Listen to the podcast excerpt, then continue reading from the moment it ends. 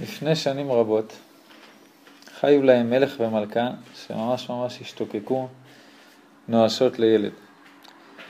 וכמו כל האגדות, יום אחד הם פוגשים צפרדע על יד הבאר, והצפרדע מבטיחה לכם, מבטיחה להם, תוך שנה יש לכם ילד. באמת אחרי שנה נולדה נסיכה קטנה, חמודה לממלכה, וכל הממלכה מאושרת, שמחה, חגיגות, והמלך והמלכה החליטו לעשות 13 ימים של חגיגה, 12 ימים של חגיגה, בשביל לחגוג את הדבר הזה, וכל יום מוזמנים אחרים והכל. ומכל, מתוך כל המכשפות הטובות והלא טובות שיש בממלכה, הזמינו כל אחת לכל ערב. ובערב האחרון, בערב ה-12, באמת, כל המוזמנים של כל ה-12 ימים הגיעו ועשו חגיגות שלמות, ואז התחילו לקום, המכשפות האלה הגיעו, מכשפות טובות, התחילו לקום ולברך את הנסיכה הקטנה. אני עושה תקציר של יפהפייה נרדמת למי שהספיקה לשכוח. זיו. זיו יזכיר לנו אם נשכח משהו. וקמו המכשפות אחת אחת, והראשונה בירכה אותה שתהיה יפה, השנייה בירכה אותה שתהיה חכמה, ושתהיה נאה, ושתהיה אצילית, ושתהיה זה, ושתהיה זה, זה, ו... שנייה לפני שהמכשפה ה-12 באה לברך, פרצה המכשפה רעה לאולם, שאף אחד לא הזמינה אותה, ואמרה לה, למלך המלכה, אתם לא הזמנתם אותי, אני מקללת אותה שהיא תמות. ואז קמה המכשפה האחרונה, הטובה, ה-12, ואמרה, אני מתקנת את זה, אני לא יכולה לבטל את זה לגמרי, אבל אני אנצל את הברכה שלי שהיא רק תירדם ל-100 שנה, רק. והמכשפה הרע אמרה שהיא תדקר בפלך ואז היא תמות וזה, ובאמת אחרי המסיבה המלך והמלכה השמידו את כל הפלחים שהיו בממשלה, בכל המדינה, אין יותר פלחים, אין יותר uh, מחטים, שום דבר שאפשר לדקר ממנו בכל הממלכה. וכשהנסיכה הגיעה לגיל 15, התחילה לשוטט בארמון, הגיעה לאיזה צריח ישן נושן שהכל היה נעול ומלא אבק וטחה וקורי עכביש. וראתה שם מכשיר מוזר שהיא בחיים לא הכירה, כי המלך זרק את כל הפלחים מהמדינה, ניסתה להשתמש בו, נדקרה באצבע ונרדמה. נרדמה למשך מאה שנה, ולא רק היא נרדמה, כל הארמון נרדם. קוצים ענקים גדלו מסביב לארמון, כל הארמון נעלם מסביב, לא להרוס לי את השיעור, מסביב לארמון צמחו פרחים וקוצים ענקיים והארמון כולו הוסתר עם כל המשרתים, מלך המלכה, כל המשפחה המלכותית, כולם נרדמו למאה שנה. במשך השנים הרבה הרבה נסיכים גדלו על ההגדה הזאת, ניסו לחפש את הארמון, חלקם גם הגיעו, ניסו לעבור, נדקרו, הלכו, ואחרי מאה שנה בדיוק הגיע נסיך צעיר וכל התכונות שחייבות להיות לנסיך, רק הוא מגיע, כל הקוצים זזים הצידה, והוא מטייל בארמון עד שהוא מוצא את החדר של הנסיכה ומעיר אותה ושלוש נקודות, והתחתנו וחיו באושר ואושר וכל הארמון חזר לתקנו. מה נמשל? כי לא נסיים את השיעור בנקודה הזאת. כן, נכון. מה נמשל? אני ישנה ולביאר. עם ישראל חטאו. אחרי שעם ישראל חטאו, במקום להעניש אותם במוות, כמו שהיה מגיע לנו, הקדוש ברוך הוא העניש אותנו בגלות. זאת הסיבה שמשה רבנו לא נכנס לארץ, ושדוד המלך לא בנה את בית המקדש. כי הם שניהם היו בונים את בית המקדש, ובית המקדש לא יכול להיחרב, כי לשניהם הייתה מסירות נפש על, על עם ישראל, וחס וחלילה, עם ישראל היו צריכים לחטוף את העונש במקום שהקדוש ברוך הוא ישפוך חמתו על עצים ואבנים. אחרי שיצאנו לגלות, הקדוש ברוך הוא ימיר את העונש בגלות, ארץ ישראל הלכה לישון למשך אלפיים שנה. כתוב בויקרא כ"ו ונתתי את עריכם חורבה, והשימותי את מקדשכם, ולא אריח ברך ניחוכיכם, והשימותי אני את הארץ, ושממו עליה אויביכם היושבים בה. ואתכם אזרה בגויים והריקותי אחריכם חרב, והייתה ארציכם שממה, ועריכם יהיו חורבה. במשך אלפיים שנה ארץ ישראל ישנה, אף אחד לא מצליח להוציא ממנה כלום. ארץ מקוללת, לפי הרבה הרבה היסטוריונים שעברו פה, והעתקתי את מרק טווין, מה שכתב את תום סויר ואת אקל והריפין, אז הוא בקרב בארץ ישראל ב-1867, אם אנחנו כבר בסיפורי ילדים, הוא היה תייר גדול שהוא עבר בכל העולם, בארץ ישראל ב-1867, תקשיבו במילים שלו, מילים של סופר, אבל מתאר את המציאות. מזעזע, אני לא, לא מסוגל להגיד את המילים האלה על ארץ ישראל. מבין כל הארצות המכוערות שבעולם, ארץ ישראל היא האלופה. ככה הוא כותב ב-1867. לפני 150 שנה. לפני 150 שנה. 1867. 150 שנה סך הכל. דרך אגב, זה היה המצב עד שהגענו חזרה לארץ. כן. הערים חשופים, הגבעות קרחות, העמקים עם ישימון כעור ודל צמחייה. ככה הוא ראה את ארץ ישראל. שהוא מבחינתו זה ארץ התנ"ך, זה ההולילנד. אף כפר אחד לא מצאנו לכל אורכו של הירדן למרחק 30 מייל מזה ומזה. יכול אתה לרכב 10 מייל בסביבה זו, בערך 10 קילומטר, ולא יקראו בדרכך גם עשרה אנשים. וואו. לגבי אזור זה אמורה אחת הנבואות. ואז באמת הוא כנראה שהוא הכיר את התנ"ך טוב. והשימותי אני את הארץ והייתה ארצכם שעמה ועריכם יהיו חורבן. אין איש היכול לעמוד כאן ליד, מעמה, ליד עין מלכה שוממה ולומר כי הנבואה לא התקיימה? ככה אומר גוי נוצרי, שלמד את התנ"ך ובא לבקר בארץ ישראל. ארץ ישראל הלכה לישון למשך שנים ארוכות. הרמב"ן אומר על השינה הזאת שזה שינה טובה. שזו בשורה טובה שהיא מבשרת בכל הגלויות שאין ארצנו מקבלת את אויבינו. וגם זו ראייה גדולה והבטחה לנו כי לא תימצא בכל היישוב ארץ אשר היא טובה ורחבה ואשר הייתה נושבת מעולם והיא חרבה כמוה. אם ארץ ישראל היא טובה, היא טובה תמיד. אם היא רעה, היא רעה תמיד. מה זה על הסירוגין הזה? אנחנו שם היא טובה, אנחנו לא שם היא לא טובה. זה אומר שזה נבואה, זה אומר שארץ ישראל זה לא אדמה רגילה.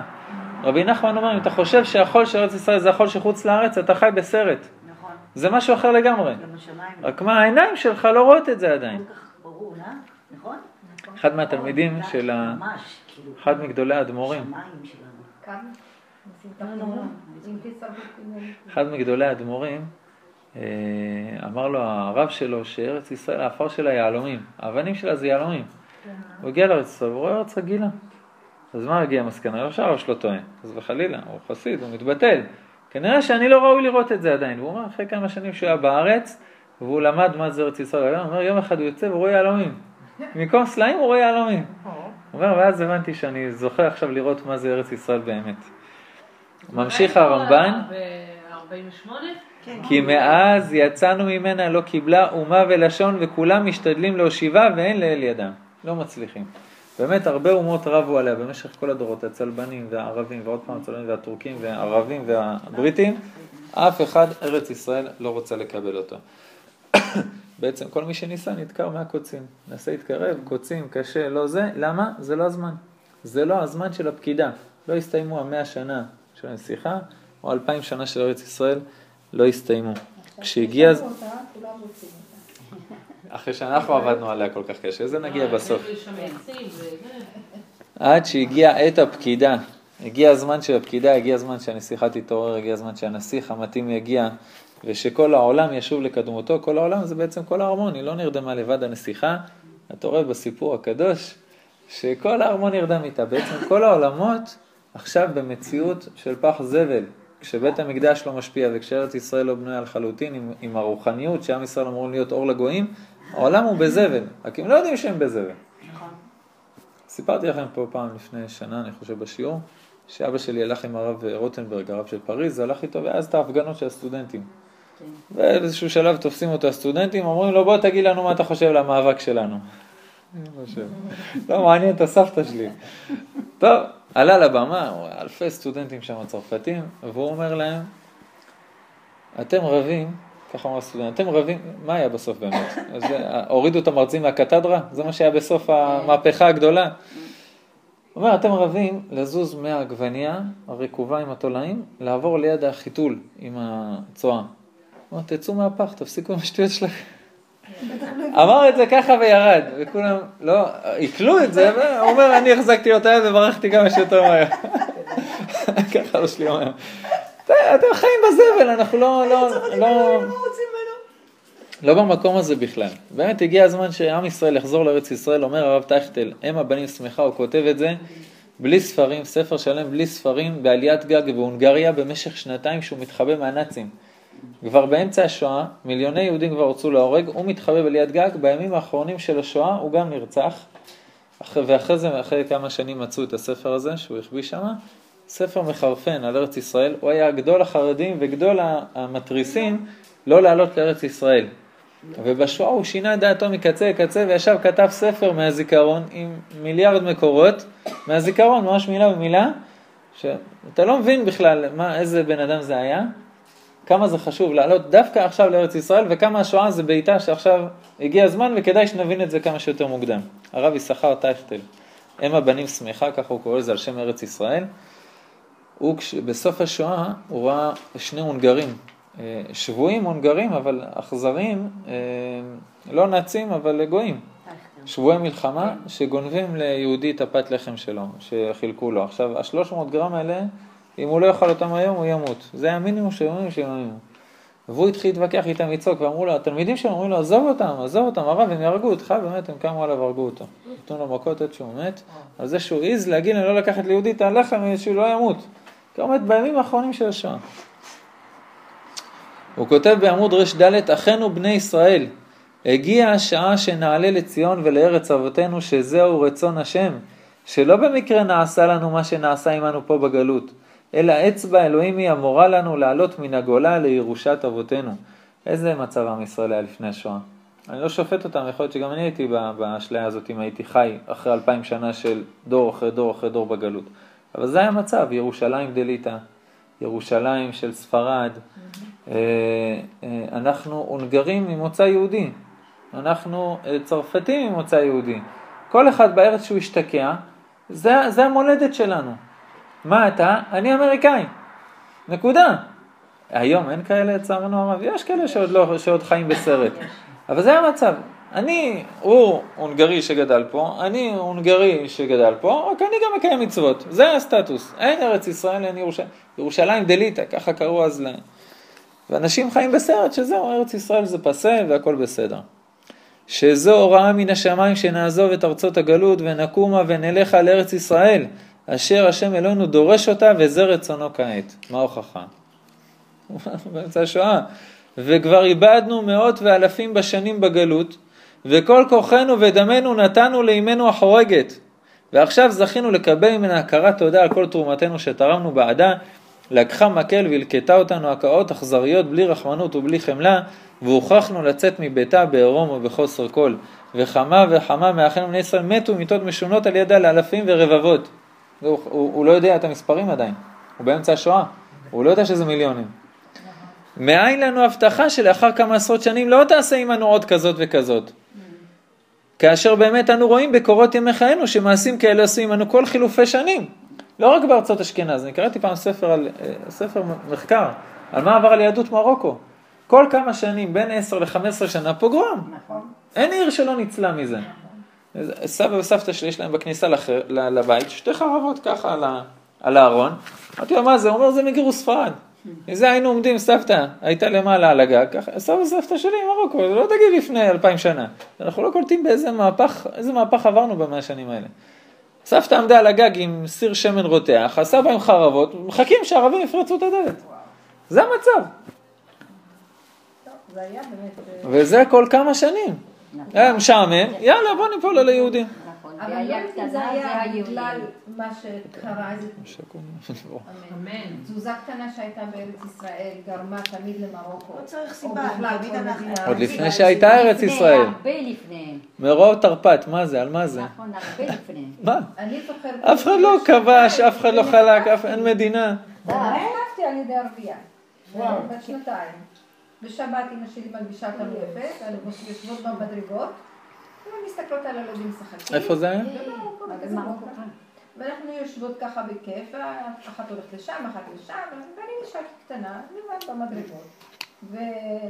ואני לא יודעת שום דבר, אבל מאוחר יותר, כנראה מביאים את ההוא ש... מי, למי נוספה עוד ילדה נראית כך וכך, לבושה כך וכך, אה. הוא עובר מרחוב לרחוב. ואז מישהי באה מהר רצה ואמרה, יש איזו ערבייה אחת גדולה, לבושה כמו ערבים, ראיתי אותה עם הילדה הקטנה שאתם מתארים, ככה מחזיקה אותה ביד. ואז באמת, ברוך השם, חיפושים חיפושים ומצאו. אז אבא שלי, זכרונו לברכה, אז יש לי שלוש בנות כאן, והערבים היו מתים לקחת בנות יהודיות. למה? עד היום אנחנו לא יודעים, יש המון שלא יודעות שהן יהודיות. אז אבא שלי עזב, אני מוותר על כל הטוב שיש לי פה, והיה לו מספיק טוב. והוא עזב, הוא התפלל, ככה פעם ראשונה שהוא עמד להתפלל וביקש עזרה, הגיע לארץ, הגענו לקוצים ולדרדרים, אמא שלי בוכה והוא אומר, זה בסדר, זה בסדר. וואי וואי. כן, כן, כן. כן, כן, נכון. כאן לפני כמה שנים? השם יתברך. היום אני בת 63. אז רגע, אז זה 61 60 שנה. בערך? גם את אימא שלי ואת האח גם הרב פרץ. כן. וכולם אצל קיבוצים, אימא שלי הגיעה לקיבוץ, אה, אה, אה, קוראים לקיבוץ הזה פה, בגיל מאוד צעיר, בגיל שעברה צרפת שלוש שנים, היא הגיעה לישראל בגיל שבע, גם אותה הבריחו. אבל אה, כי אבא סבא היה עשיר. הבבא סאלי? והרב פרץ, מורי ורבי, שניהם נחטפו כשהם היו ילדים. אה. נחטפו, כן, הרב פרץ שהיה פה בארץ, חטפו אותו הפדאיון לירדן, וצה"ל הלך, עשה פעולה להחזיר אותם. כמה ילדים מהמעברה? והבבא סאלי במרוקו חטפו אותו. במרוקו. חטפו. אני יכולה להבין למה חוטפים ילדות, אבל למה חוטפים בנים? אתם לפחות... יימח הכל האלה. גם, גם בשביל כופר, גם... נכון. יימח אז שונאים אותנו, אבל לא להם צריכים. ילדות, אבל לא האמינו שהאישה היהודייה היא הרבה יותר איכותית וטובה יותר. אז האימהות הערביות רצו את הבנות לבנים באמת? שלהם, כן. כי למה הלאום הופך לפי אבא אצל הערבים? כן. אם האבא ערבי, לפי הילדים כן, לא. לפי האמא. אנחנו היהודים לפי האמא והערבים לפי. האבא. ועד כעת לא למדנו מהעבר. אלפיים שנה כל פעם זה חוזר ואתה עם קשה עורף. ממה שעבר עלינו כל תקופות השנים, לא ליתן עוד אומן אל ארצות הגולה, לא להאמין בהם. ולא לתת להם להיות אומנים שלנו, מלשון אומנת. כמו היום, אמריקה. אלא נקומה ונעלה אל אמנו האמיתית, לבנות חומותיה ולתקן חורבותיה, וחזק ונתחזק בעד עמנו ובעד ערי אלוקינו. והשם הטוב יעשה עמנו אות לטובה, ויראו שונאינו ויבושו. נקומה ונעלה אל אמנו האמיתית, זה השם של הספר שלו, אם הבנים שמחה. למה הוא קרא לספר אם הבנים שמחה? הוא אומר שהייתה אפשרות לברוח מאיזה מקום למקום, והוא רצה להבריח את הבנות שלו, שתי בנות. ומי שמבריח את הגבול ותופסים אותו, בין המדינה שהוא היה למדינה השנייה, זה עונש מוות במקום. ובגבול תפסו אותם, אותו ואת שתי הבנות. עכשיו, הוא אומר שהם היו שבועיים בכלא, ואחרי זה הצליחו עם הרבה כופר וזה, וזה מלא כסף לשחרר אותם, זה היה גדול הדור, הוא היה פוסק מאוד גדול. שחררו אותם עם הרבה הרבה כסף, ואז הוא אומר, שלחנו מברק כשאנחנו חוזרים, והאימא שמה שהם בכלא ועומדים להרוג אותם, והיא חיה בסרט שזהו, שאין לה יותר לא בעל ולא ילדות.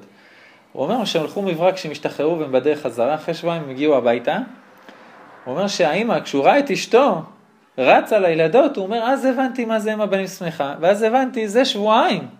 הוא אומר, תחשבו איך ארץ ישראל מרגישה אחרי אלפיים שנה. לו, מה זה אם הבנים שמחה? לחזור לאימא שלנו האמיתית. הרמב"ן כותב,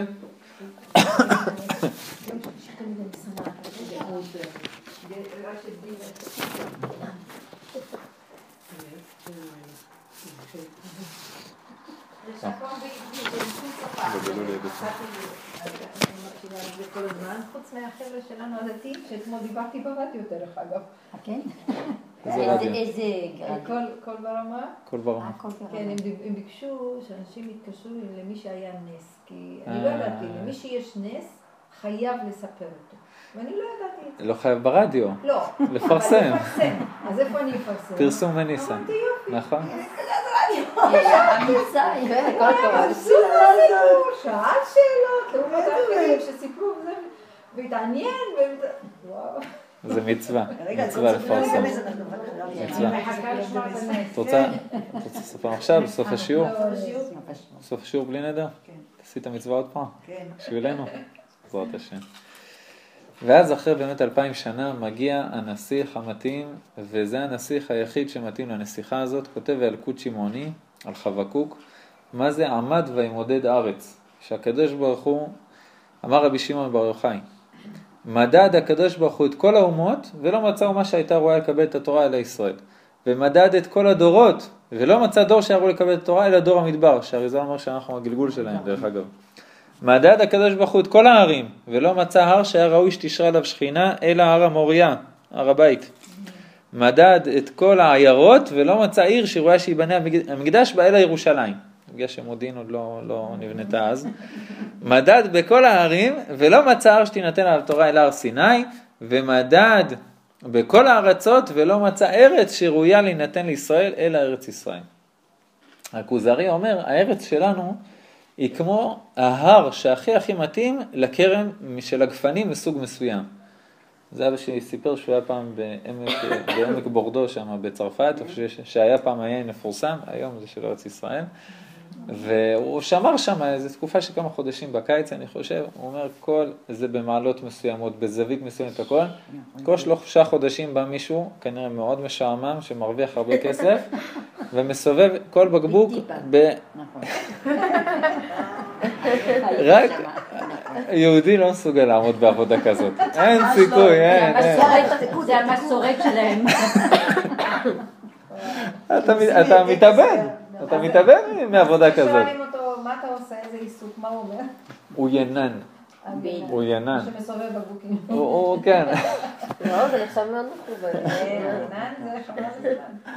אבא שלי אומר שבפריז הוא ראה פעם מאפייה. והבעל של המאפייה התלהב, הוא אומר לו, הוא מתפאר, והוא אומר לו, אני פה אופה, ואבא שלי היה פה אופה, וסבא שלי היה אופה, וסבא רבא של רבא, רבא שלי גם בדיוק אותה חנות, אותה מאפים, אותו מתכון. הוא אומר, זה רק גוי. יהודי לא יכול, או תפתח רשת, או שיסגור, יעביר, או שיחריב, יבנה משהו. יהודי לא יכול להיות כל כך הרבה זמן ככה. באותו מקום. כן, נכון. סיפר אה, הרב, אה, איך קוראים לו? הרב אה, פנגר. אוקיי, חלק מהסיפור חיים שלו, אז הוא מספר שהוא היה באוסטרליה. אני כמעט בטוח שזה הוא, הסיפור חיים שלו. הוא היה באוסטרליה, עבד שם בקטיף של פרי מאוד מיוחד ומאוד עדין. והוא אומר, אתה לובש כפפות מאוד מאוד עדינות, לוקח שקית אה, עם אה, סל כזה עם משי, לכל פרי בנפרד, עולה לעץ, קוטף אותו בעדינות עם, אה, עם, אה, קאטר כזה מאוד, מאוד עדין, של, כמו של צורפים, שם אותו בסלסלה, יורד, שם אותו בקרטון מיוחד, עולה עם סלסלה חדשה, לוקח פרי וזה. אז הוא אומר, זה הרבה כסף לעבוד שם. אה?" עכשיו, אנשים מכל הארץ, תאילנדי, רוסי, צרפתי, כל הבחורים מגיעים לעבוד, זה מלא כסף. הוא אומר, אני וחבר שלי מגיעים לעץ, עולים, קוטפים אחד, יורדים. הוא אומר, ברביעי, הבנו את הרעיון, ירדנו למטה, התחלנו לנער את העץ. איי, איי, איי. נערים את העץ, כל מה שנופל שמים בזה, מפזרים, ומתחילים להרוויח מלא כסף. הוא אומר, אחרי יומיים אתה רואה את כל הפרדס, כולם עומדים להרים את העץ. אה, יהודי הוא הוא בנוי. האוסטרלים כאלה עדינים, וואי וואי. היהודי לא, לא, יש לו נשמה, האלה, אני גם יש לא לו. נשמה שעובדת על, על אה, מנוע של 613 כוחות סוס, הוא לא, הוא לא מסוגל לעבוד בעדינות הזאת. ערב טוב, בעל הבית, ברוך הבא. ברוך הנמצא. תודה רבה על האירוח. חזק וברוך. Thank you very much. רש"י כותב, הרש"י הראשון על, על, על התורה. רש"י הראשון על התורה זה דבר שאנחנו לא צריכים אה, שגרירים, אנחנו לא צריכים משרד החוץ, לא צריכים כלום. שים אתר באינטרנט, כתוב עליו את הרש"י הזה וזהו. במקום משרד החוץ, כל מי שיש לו בעיה, תשלח לו קישור.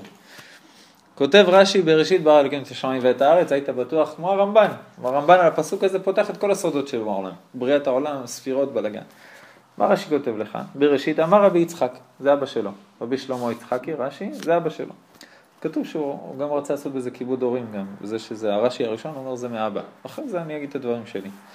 לא היה צריך להתחיל את התורה, אלא מהחודש הזה לכם, בחומש שמות, פרק י"ב, זה המצווה הראשונה. בשביל מה אתה נותן לי את התורה בשביל סיפורי צדיקים, כל ספר בראשית? זה נספר בתלמוד תורה מהמדרשים.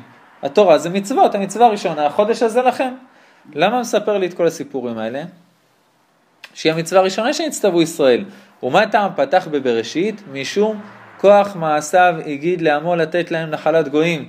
שאם יאמרו אומות העולם לישראל, הסתים אתם שכבשתם ארצות שבעה גויים, אתה לא אומר להם ניצחנו במלחמה, זכות שיבה, אין לנו ארץ אחרת, היינו בשואה, תרחמו עלינו, לא מעניין כל התירוצים האלה. זה תירוצים שאתה יכול להתווכח. למה לא אוגנדה? אתה רוצה ארץ, רוצה שיבה, רוצה ביטחון, לך ללפלנד, תגדל כמה כבשים, אף אחד לא יפוצץ אותך בדרך למרעה, הכל בסדר, אתה תתכנן את החיים שלך חמש שנים קדימה בלי שום בעיה. לא כמו בישראל. למה אתה פה? אבל אסור, אסור, זו טעות שחוזרים עליה עוד פעם ועוד פעם. התשובה היחידה זה התשובה של רש"י. הם אומרים להם, כל הארץ של הקדוש ברוך הוא. הוא ברא ונתנה לאשר ישר בעיניו. ברצונו נתנה להם, ברצונו נתנה מהם ונתנה לנו. אנחנו הגענו לפה אחרי יציאת מצרים, אחרי 40 שנה במדבר, לא בגלל שזה שלנו, לא בגלל שזה ארץ המובטחת, לא בגלל שכבשנו, לא בגלל כלום. הקדוש ברוך הוא ברא את העולם, בראשית ברא אלוקים שמיים וארץ, וזהו, הוא נתן לנו. לפני זה לא היה שלנו, נכון, לפני זה הוא נתן להם. אבל כל העולם שלו, וזה רצון השם שנדור פה. זאת התשובה היחידה למה אנחנו בארץ ישראל. ומי שנלחם נגד עקירת חלקים מארץ ישראל בתואנה של ביטחון, אם אתם תחזירו את כל יהודה ושומרון, יפלו רקטות על גוש דן, זה לא מעניין את גוש דן, כי ברגע שתיפול שם רקטה, כל שנקין מתרוקנת ועוברת ללוס אנג'לס. לא מעניין אותם הרקטות האלה. מכבה את האור בנתב"ג, היהודי האחרון שייצא. זה לא מעניין הקטע הביטחוני. מה שכן, זה תשובה אמונית. ארץ ישראל שלנו, כי ככה הקדוש ברוך הוא אמר. נקודה. לא מעניין הקדוש ברוך הוא, יש לכם בעיה הרבה יותר גדולה מרקטות. באמת הנסיך היחיד שמתאים לנסיכה העדינה הזאת מגיע, ובדרך נס כל הקוצים זזים, גם בוועידת סן רמו. כשמגיע הזמן, אז הקדוש ברוך הוא לא מחכה. ועידת סן רמו, האומות הבטיחו לנו בהצהרת בלפור, אחרי זה האומות המאוחדות בהצהרה של האו"ם, שעשו שם את ההצבעה הזה, המפורסמת, 33 מדינות הצביעו בעד, mm-hmm. וארץ ישראל קמה. עכשיו מאז ניצחת כבר בשבע מלחמות, זאת אומרת הקוצים הם קוצים, אבל שום מלחמה לא הייתה הגיונית. היה אחד מהשליחי חב"ד, שהיה באמריקה, התארח איזה אצל איזה משפחה, שהבן שלהם לא היה דתי, ואחרי שנה הוא מגיע לשם ורואה אותו חרדי, הוא אומר לו, מה, מה קרה? נהיית חב"דניק? אז הוא אומר לו, אני הייתי בפום של, של ארצות הברית, אומרת, בקורס שלהם של, ה, של הפיקוד ובמטה של החבר'ה הרציניים יותר, ובמכללה שם של הקצינים, לא זוכר את השם שלה עכשיו, ושם מלא מלא מלא הרצאות, פתאום אני שם לב אחרי שלוש, שלושה חודשים שהגנרל שמעביר לנו את ההרצאות על הקרבות בכל העולם לא מביא שום מלחמה של ישראל. ששת ימים ויום כיפור ומלחמת אה, העצמאות וכל זה, זה ניסים גדולים, זה, זה הזוי, איך זה שהוא לא מביא שום דבר? אז הוא בא אליו ואומר לו, מה היו המלחמות של אה, ישראל? הוא אומר לו, תבוא למשרד בצהריים. מגיע למשרד גנרל עם ארבע כוכבים, לא פשוט, מגיע למצדיע, אומר לו, תקשיב, אנחנו, הדבר הראשון שסקרן אותנו כשחקרנו את המלחמות זה ארץ ישראל. איך, איך היא חיה בכלל? חקרנו את כל המלחמות. כל המלחמות התברר לנו שהייתם אמורים להפסיד. וזה שניצחתם זה נס. וניסים אנחנו לא מלמדים פה. וסט פוינט. הוא אומר לו, ניסים אנחנו לא מלמדים בווסט פוינט. נקודה. עוף החוצה. אנחנו חיים בנס. אז אתה רואה שכל הקוצים זזים, הקדוש ברוך הוא מגרש את כל, ה... את כל הדברים האלה, ובאמת הנסיכה מתעוררת, כותבת הגמרא בסנהדרין, אמר רבי אבא, אין לך קץ מגולה מזה. בן אדם אומר לא, כן גאולה, לא גאולה. מה כן? תסתכל על ארץ ישראל. הגמרא מביאה פסוק מיחזקאל, ואתם הרי ישראל ענפיכם תיתנו, ופריכם תישאו לעמי ישראל כי קרבו לבוא. תסתכל על ארץ ישראל, איך היא נבנתה במהירות עצומה, לעומת כל מדינה אחרת. לקחתי מפה כמה נתונים מספר שהוציא מישהו מהקהילה, מישהו שמגיע שבתות לקהילה, יש לו ספר אה, ציונות בחמש דקות. וככה בצבא, כל פעם אני נותן חמש דקות של ציונות. כן. אז אה, בן אדם מדהים. אז אה, אפי, קוראים לו אפרים, אפי. אז הוא הביא לי את הספר, באמת לקחתי משם כמה נתונים. הדמוגרפיה, הוא כותב שם שגידול האוכלוסייה בישראל הוא הגבוה ביותר בעולם המערבי. ב-48 היינו 600 אלף יהודים פה במדינה, וב-2007 7 מיליארד ו-150 אלף. מיליון. 7 מיליון. לאט לאט, רגע. בסדר, אבל זה גם כן הזוי. אנחנו בדרך, אנחנו בדרך. 7 מיליון ביחד עם זה, ב-60 שנה. 600 שהתחילו. אה, תחשבו, ב-60 שנה, הוא אומר אין, לא. אין עוד מדינה שגדלה ככה ב-60 יש פה שנה. שכינה, אני מרגישה. צה"ל. לא, לא, לא, אני בכלל לא, לא, נעים. לה אל תשימי. הצבא מקום המדינה, בקום המדינה הצבא שלנו זה היה כמה מחתרות שהתחברו ועשו מזה צה"ל. תחת אה, חרם של נשק אמברגו בכל העולם, ונשק שהם אה, העבירו בדרך לא דרך, ועכשיו אתה את אחד הצבאות החזקים בעולם. החקלאות, התעשייה, הייצוא, לפני 60 שנה הוא כותב, היה ייצוא של 6 מיליון דולר, הוא אומר השנה ייצאנו, זה היה ב-2008, 75 מיליארד דולר. לא, זה המיליארד, סליחה. מ-6 מיליון ל-75 מיליארד. הוא אומר, זה דברים שאנחנו מספר אחד בעולם בזוכים. ואנחנו מדברים על זה בדיוק בחדשות שעושים חרם. כשארץ ישראל, לא סתם אני מעביר את השיעור הזה עכשיו, כשאני אדבר על זה בסוף, כש- כשארץ ישראל הכריזה את הכרזת העצמאות, אז ביקשו מה-CA, נשיא ארצות הברית ביקש מה-CA שייתן לו דוח אה, מה הסיכויים של עם ישראל לשרוד. בסדר? ה-CA יוציא דוח, הוא אומר שנתיים מקסימום. שנתיים גג, המדינה הזאת תחזיק מעמד, אחרי זה או שכולם ימותו או שיברחו. כל הערבים, תחשבו, זה יא, הזוי, הזוי. ממש הזוי. והאגדה מסתיימת בזה שהם חיו בעושר ועושר עד היום הזה. כן. זאת הגאולה השלמה. אנחנו עוד לא הגענו לשם. אני לא מחדש לכם. אנחנו בדרך לגמרי ואנחנו עברנו דברים מדהימים. אנחנו כרגע בשלב של הארמון התעורר, הנסיך והנסיכה התחתנו, הנסיכה כמובן גם התעוררה. תודה רבה. הנסיכה התעוררה, ועכשיו אנחנו מוציאים את כל הקוצים שלכלכו את הארמון, מפנים את השאריות, זורקים את כל האנשים שזה, את החתולים שהגיעו בזמן, את העכברים שנכנסו כל המאה שנה האלה, עכשיו אתה בזמן של לטאטות את כל השאר, כש- כמו שהקדוש ברוך הוא מצווה אותך. איפה אנחנו עכשיו מבחינת הזמן? אנחנו נכנסנו. אנחנו באמצע הגאולה, באמצע? באמצע הגאולה. יש הרם- לנו 200 ומשהו. הגאולה זה תהליך, הגאולה זה תהליך. ברור, לקראת הסוף. לדעתי לקראת הסוף. כן. כן, לדעתי שלושת רבעי בכיף. הרמב"ן כותב, אומר אני כי המצווה שהחכמים מפליגים בה, והיא דירת ארץ ישראל, עד שאמרו שכל היוצא ממנה ודר בחוץ לארץ, יהיה בעיניך כעובד עבודה זרה. מי שאומר לך, אני עובר דירה לחוץ לארץ קבוע. עובד עבודה זרה, כאילו הוא משתחווה עכשיו לצלב, השם ירחם. כן. שנאמר כי גירשוני היום מלהסתפח בנחלת השם, לאמור לך עבוד אלוקים אחרים. למה? כל מי שנמצא בחוץ לארץ עובד עבודה זרה בטהרה. כל התפילות שלו, לימוד תורה שלו, הכל עולה לשרים של אומות העולם, לא לקדוש ברוך הוא. למה?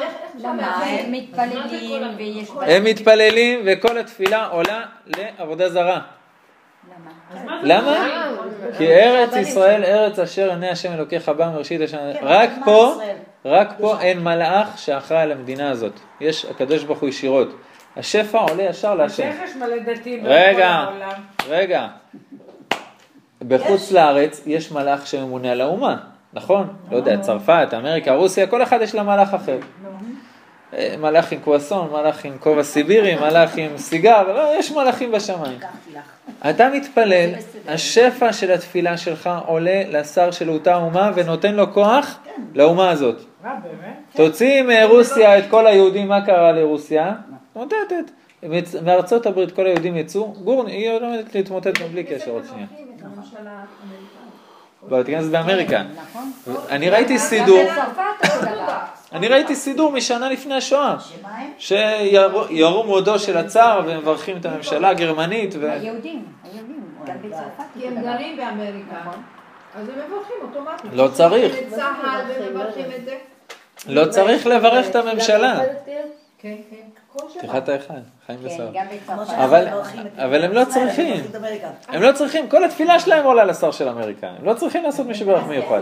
שיישארו שם. הם- הרי הם יודעים, כמו שאתה ואני וכולנו יודעים עכשיו, איך הם נשארים. כן. לא פשוט שהם יודעים את זה, לא פשוט שהם יודעים את זה. אנחנו הם חיים בסוג? של סרט.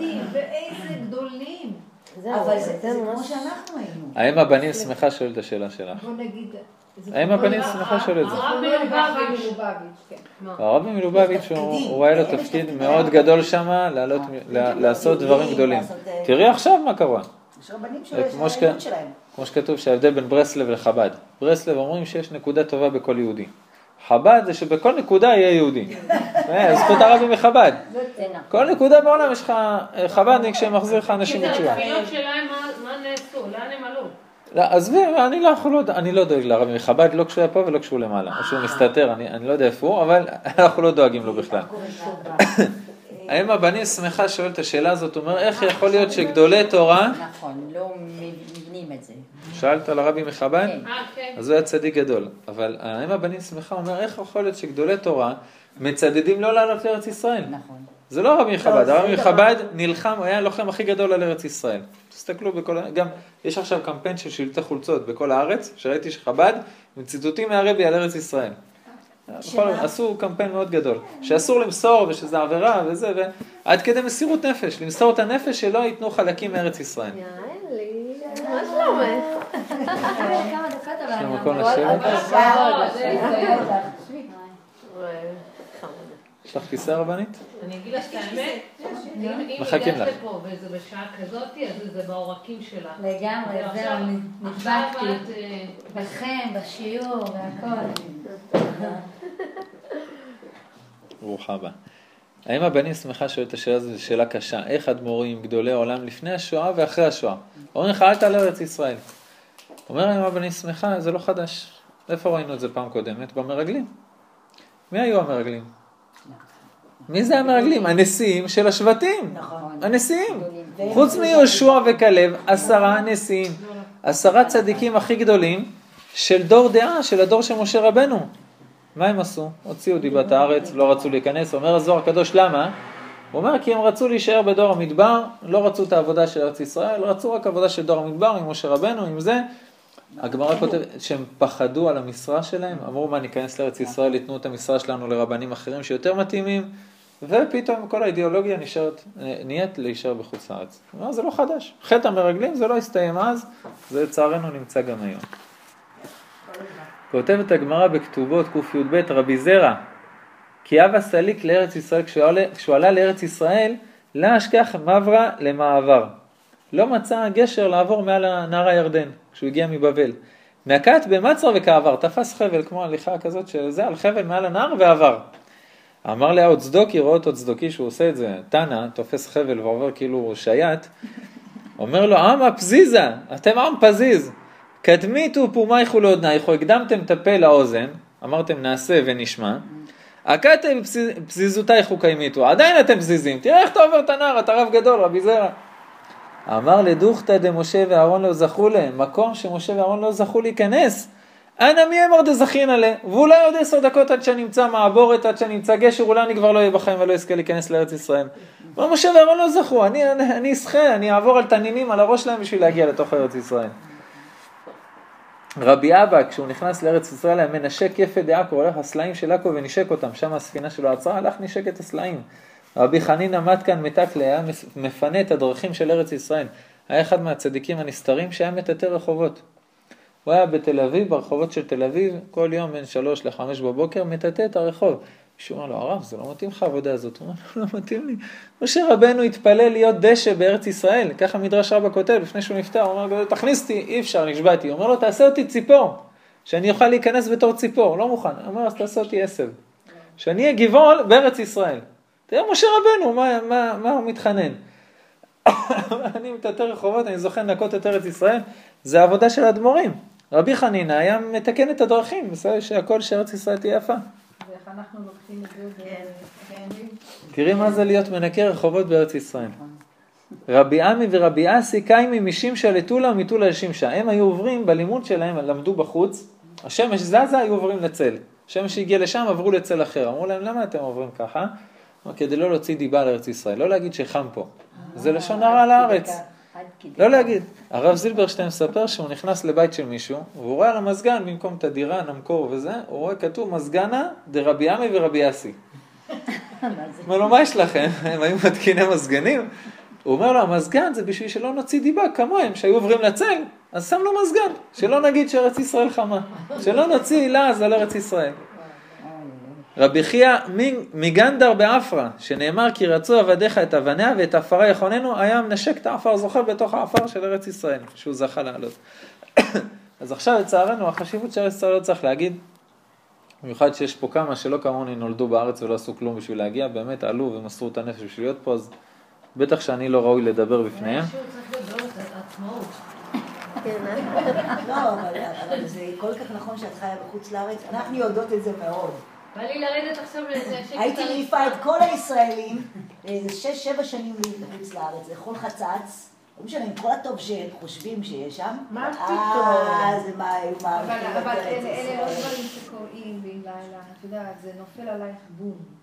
את יכולה להיות בהונולולו, איפה שאת רוצה, במקום הכי הכי... זה הרמח"ל את כותב. חיה, חיה, חיה, פתאום, בום, משהו קורה לך. הרמח"ל, לא הרמח"ל קורא לזה, אה, אומר יש אה, פקידה שהקדוש ברוך הוא שולח איזה פינג כזה של סונאר לנשמות של אנשים שמגיע להם, פתאום הבן אדם קם, פתח לו עיניים, ארץ ישראל. אתה רואה בעיניים שלו ארץ ישראל, אין עם מי לדבר. אבא שלי אומר שהוא, כשהוא לימד את המאמר הגאולה, את הספר של הרמח"ל, הוא אומר שהוא הרגיש את זה, הוא אומר, גיל 18 הוא קם בבוקר, אמר, אבא, אמא, להתראות. לאן אתה הולך? לאלפין לעשות סקי? הוא אמר להם, ליד, ארץ ישראל. עכשיו, ארץ ישראל בזמנה זה היה כל המלחמות. פיגועים, אז זה, מלחמת העצמאות, הכל. ששת הימים היה בגיל שלו גם. ביי. זהו, נעלם. זה ארץ ישראל. הוא אומר, אתה מרגיש שאין לי מה לדבר, זהו, אתה, יש לך... זה נכון. אני אומרת לך, זה כל כך נכון. אני סתמתי את הפה המון שנים, כי חשבתי יגידו שאני... חס וחלילה. חס וחלילה. אבל את יודעת, המילה המפורסמת, התחרפנה, משהו כזה. אז אני סתמתי את הפה, לא רציתי להגיד כלום, אבל זה בדיוק ככה. אני מסתכלת על כל החברים שלי ואני אומרת, איך זה שהם לא הגיעו לחשיבה הזאת? איך שהם לא, איך זה שהם לא מרגישים כמוני? איך זה, איך זה? לא זכו, לא זכו. זה מתנה. מתנה, מתנה, מתנה. תוסיפי לי את זה, שהרבי שמעון בר- יוחאי כותב, שכל הדר בארץ ישראל נקרא צדיק. הוא אומר, איך אתה יודע? הוא אומר, כי אם הוא לא היה צדיק, ארץ ישראל הייתה מקיאה אותו. חסר אנשים שמחליטים לעשות תואר שני בחוץ לארץ פתאום, לצאת לאיזה מלגת מחקר בחוץ לארץ, לא חסר. הוא אומר, ארץ ישראל מקיאה אותם. בגלל זה אני אומרת, אשר מי שחי בארץ ישראל כל הזמן. אומר, מי שפה נקרא צדיק. ואם לא, אתה חולק על רבי שמעון בר יוחאי וזה לא בריא, גם כשאת נוסעת את כבר רוצה לחזור. אל תשים לא שעון מעורר. אני הולכת יומיים שלוש, זהו, מספיק לי. אז, תצאי עכשיו מהשיעור, כי בסוף השיעור את לא תלכי יותר. את רוצה להמשיך? כדאי לחתוך עכשיו. אבל אני צריכה ללכת לבקר אנשים. סיבה ממש מוצדקת כדי לצאת מהחוץ לארץ. אה, את צריכה לבקש אפילו. מהרב רשות. לנכדות שלי. ראובן, ראובן, ראובן גרם ליוסף להיזרק לבור של נחשים ועקרבים. בגלל העצה שלו. חבל שתהרגו אותו. זרקו אותו לבור של נחשים ועקרבים. עשר מטר בור, למטה נחשים ועקרבים, תזרקו אותו לשם. בסדר? כן, נכון. והתורה אומרת עליו, על ראובן, שהוא היה צדיק מאוד גדול, שבזכותו קרה הדבר הזה. על יהודה, שהוא הוציא אותו מהבור ומכר אותו לאורחת ישמעאלים, התורה כותבת שהוא עשה דבר מאוד רע. שואל הרב מימון בשרי ישראל, ספר שרי ישראל, אומר, מה נסגר? הוא הוציא אותו מהבור והוא הכניס אותו לבור. הוא אומר, נכון, אבל יהודה גרם לזה שהוא יצא לחוץ לארץ. אפילו שבסוף הוא נהיה מלך, הוא אומר, עדיף להיות בבור של נחשים עקרבים בארץ ישראל, מאשר להיות מלך בחוץ לארץ. וזה מה שהגמרא אומרת על ראובן, כל הכבוד. אפילו אם נחשים ועקרבים, השכנים שלך נחשים ועקרבים, בארץ ישראל זה עדיף מאשר להיות המלך של כל מצרים. אה, לצערנו הרב יש כאלה עכשיו, דווקא בגלל זה גם אני מעביר את השיעור הזה, גם היה לנו השבוע כינוס עם הרב שמואל אליהו, שהוא ממש ממש אה, שרף על הדבר הזה, הוא עכשיו צריך לחזק את ארץ ישראל. מי מחזק את ארץ ישראל? מי מחזק את המנהיגים שלנו? ביבי. איזה כוח יש לביבי, איזה כתפיים יש לו לעמוד מול אנשים שרוצים לחתוך את ארץ ישראל, אם העם, אם עם ישראל לא נותן לו את הכוח הזה. נכון, באמת לא נותן אותו. נכון. בצורה חולנית, כאילו. אז אנחנו לא מדברים על עם ישראל, אנחנו מדברים עלינו. אנחנו צריכים לתת כוח למנהיגים שלנו, וזה שמעתי מהרב פרץ, זכר צדיק לברכה, כשהוא היה פה בעיר, הוא בא להילולה של רבי דוד ומשה, הוא אמר לאנשים, הוא אמר, המנהיג זה מהכוח של האנשים, לא של אף אחד אחר. אם בן אדם יישרף באהבת ארץ ישראל, לביבי יהיה עוד כמה אחוזים של כוח להגיד להם לא. וזה תלוי בנו, בכל אחד ואחד. נדבר על זה בהמשך. הרב אליהו, זכר צדיק לברכה, כשהוא היה בצרפת, הוא היה עם כל הפמליה המלכותית והדיפלומטים הצרפתים וזה, הכל, הגיע לפיג... ל... ל... לסדרה של דרשות, אחרי זה לקחו אותו למוזיאון הממלכתי של צרפת. אחרי המוזיאון הייתה לו פגישה עם אה, נשיא צרפת, בסדר? אה, במוזיאון אה, מראים לרב את הדברים, זה וזה וזה וזה, מגיעים לכיסא של נפוליאון. אז הוא אומר, איפה זה בלובר? איפה זה הדבר, כן? אז הוא מגיע לכיסא, אומר להם, מה זה? אומרים לו, זה הכיסא של נפוליאון. אומר לו, איזה... נפוליאון? אומר להם, מי זה נפוליאון? זה הצ'יף רביי של ישראל, מה? בכוונה זה אומר. כן, כן. והרבנית, היא הייתה דוברת צרפתית, היא הייתה, דוברת של איזה שבע שפות, היא דיברה צרפתית, והיא מתרגמת לו מזה, על נפוליאון, מי זה זה, ואז הוא מגיע לכיסא של לואי 14, הוא אומר, מי זה לואי 14? אחרי שמסבירים לו, זה לא נעים, אבל הם מסבירים לו, אז הוא אומר להם, אתם מוכרים לי את הכיסא הזה? אלה התעלפו, המלווים הצרפתים, מה פתאום, אנחנו לא מרשים לשבת. אמרו, אני לא יודע אם זה נכון. אמרו לי שכתוב לא לשבת באנגלית, צרפתית ועברית. עברית.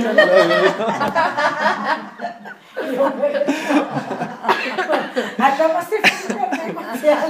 לא, לא, אני שואל, זה אמרו לי, אני תמיד רציתי לדעת. בטוחה, לא הוסיפו. היא יודעת הכל. לא הכל, אלא דברים שכן הרוב, ראיתי. הרוב. אז ה- הוא אומר להם, למה אתם לא מוכרים? הוא אומר לו, לא, לואי 14 זה חלק מההיסטוריה של העם שלנו. זה... הוא אמר, מה, הוא היה מלך מאוד מוסרי? אומרים לו, לא, ממש, מוסרי? ממש לא. אז למה? הוא אומר, זה ההיסטוריה שלנו, זה התרבות שלנו. הוא אומר, טוב, טוב, בסדר, תירגעו, הכל בסדר. והמשיכו את הסיור, סיימו את הסיור במוזיאון, הגיעו לקבלת פנים של הנשיא, נשיא צרפת. עכשיו, בקבלת פנים היה מתורגמן מטעם הדיפלומטים. והדיפלומטים אמרו לו, תקשיב, באותו זמן היה שיחות על ירושלים, לחלק את ירושלים. אומרים לו, את זה אל תזכיר, זה לא דיפלומטי, זה יהרוס הכל, אנחנו ננזף. אל תזכיר, זה לא פוליטקלי קורקט, don't talk.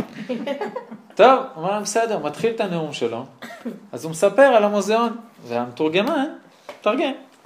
מספר על המוזיאון שהם ביקרו וזה, והכיסוי של לואי ה-14, נפוליאון, הוא אומר, לא הסכימו למכור לי אותו, אפילו שזה היה מלך זיפט, וזה וזה וזה וזה.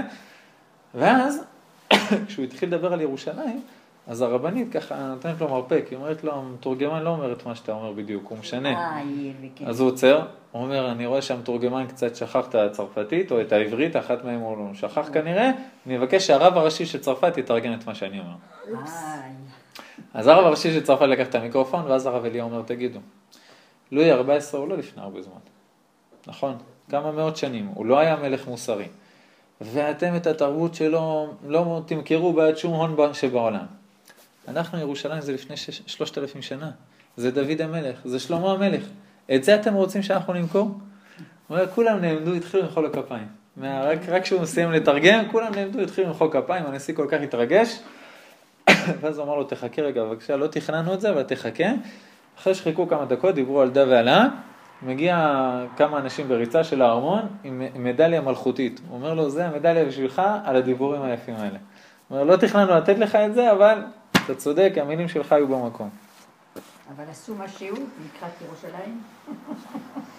אני לא יודע, אבל אני יודע שהרב אליהו עשה משהו בשביל זה. כן. וזה דבר שהוא מאוד נכון. הרמב"ם כותב, הרמב"ם כותב בהלכות תענית על הצהרת שונאי ישראל לישראל. כיצד? על מה מתענים? גויים שבאו לערוך מלחמה עם ישראל, או ליטול מהם מס, או לקח מידם את הארץ, או לגזור עליהם שמד אפילו במצווה קלה.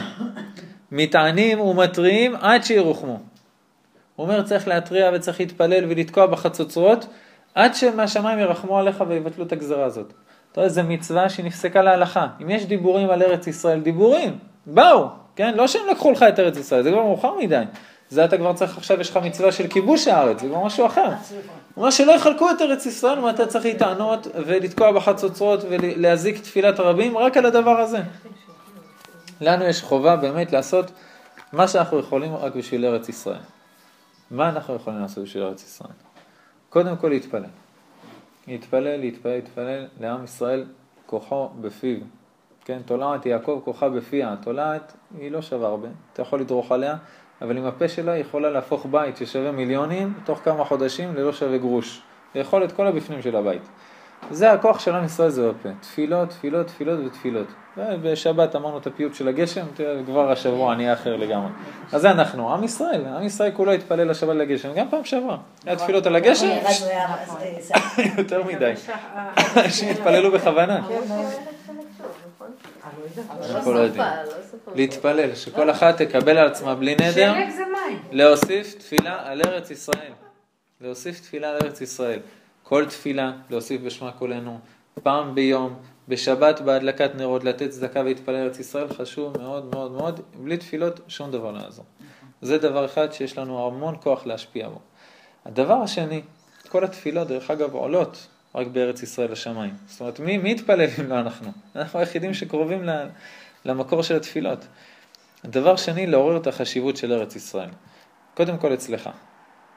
לארץ כתוב שמסירות נפש, צריך להילחם עד מסירות נפש, לא לתת חלק מארץ ישראל לאומות. ככה נפסק להלכה, מסירות נפש, למות.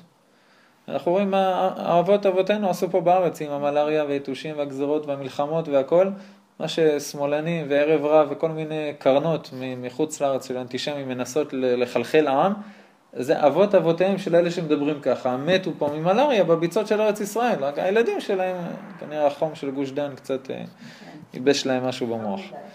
אז קודם כל לעורר אצלנו את האהבה של ארץ ישראל ולהבין את החשיבות של ארץ ישראל ולשחזר לעצמנו את כל ההיסטוריה, לא רק עכשיו, טוב, אני גר פה וזה ואני צריך ללכת לדואר. לקלוט שאתה חלק מתאריך היסטורי, שעכשיו כל הארמון קם לתחייה ועכשיו העולם חוזר לקדמותו, אתה בתהליך של גאולה, עוד מעט גם תיכנס הרוחניות בשלמות, יהיה בית מקדש, יהיה מלך יהודי, יהיה נביא, יהיה משיח, כל העולם יראה אחרת לגמרי עוד מעט. ואתה עכשיו בתהליך כזה. אז קודם כל לאור אצלך. דבר שני, שכנע אנשים בסביבה שלך. בן אדם מהעבודה בא אליך בגאווה, קיבלתי טיול לחוץ לארץ. תתחיל לבכות, תרחם עליו, תגיד לו, אתה מסכן. באמת, אני מרחם עליך. למה? אם אתה לא מרגיש ככה, אם אתה לא מרגיש ככה, באמת, אם אתה לא מרגיש ככה. תבכה על עצמך. ישראל, כל כך יפה, לא ראיתי בכל ישראל. זהו. הרבה לראות בישראל. שמה לנסוע לחוץ לארץ? ארץ. ישראל לא חסר כלום, לצערנו כרגע ארץ ישראל לא כולה בידינו. ארץ ישראל זה מסיני מהפרת עד ה... מהנילוס עד הפרת והחידקל. יש לנו את אילת. תכניס את לבנון, כמעט כל אה, סוריה ועיראק ואת סיני ואת זה, כל זה, כל זה שלנו. זה החלוקה, זה החלוקה של ארץ ישראל. זה. את קראת את הפסוקים של הארץ המובטחת? קראת את הגבולות? אם אני ככה עמומה כנראה לי דווקא את. פה בעיקר מגיעה להקריאת התורה. אז, אז תקחי את הפסוקים בבראשית שמדברים על ארץ ישראל, מה שהקדוש ברוך הוא מבטיח ל- לאברהם אבינו. מה שהקדוש ברוך הוא מבטיח לאברהם אבינו, הארץ המובטחת, זה כולל לרוב עיראק וסוריה, ולבנון וגם מצרים עד הנילוס.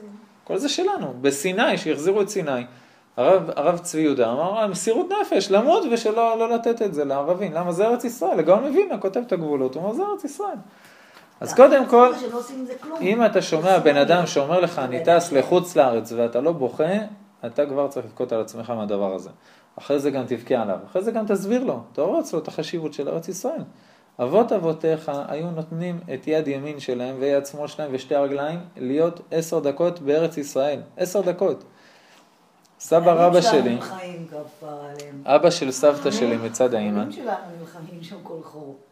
הילדים שלנו נמצאים בכל מקום הזה. אז זו ההוכחה הכי גדולה של מסירות- נפש של ארץ ישראל, שעובדה שאתה כובש אותה במלחמה, מי התיר לך למות? זה מצווה. אפילו לא להגן, אפילו לכבוש את ארץ ישראל. אבא של אה, סבתא שלי, מצד האימא, בקזבלנקה, באמת, אה, מלול. לא, הוא היה מלכה, הסבא היה מלול.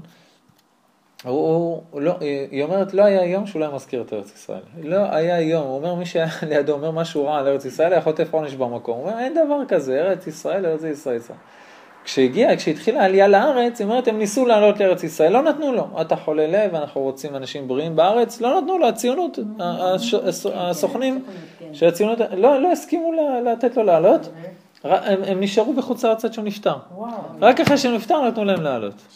היא אומרת, וזה בן אדם שלא היה יום שלא בכה שהוא יזכה לעלות לארץ ישראל ושיזכה להיות שם. לפני כמה שנים זה היה? לא יודע, אבא של סבתא שלי.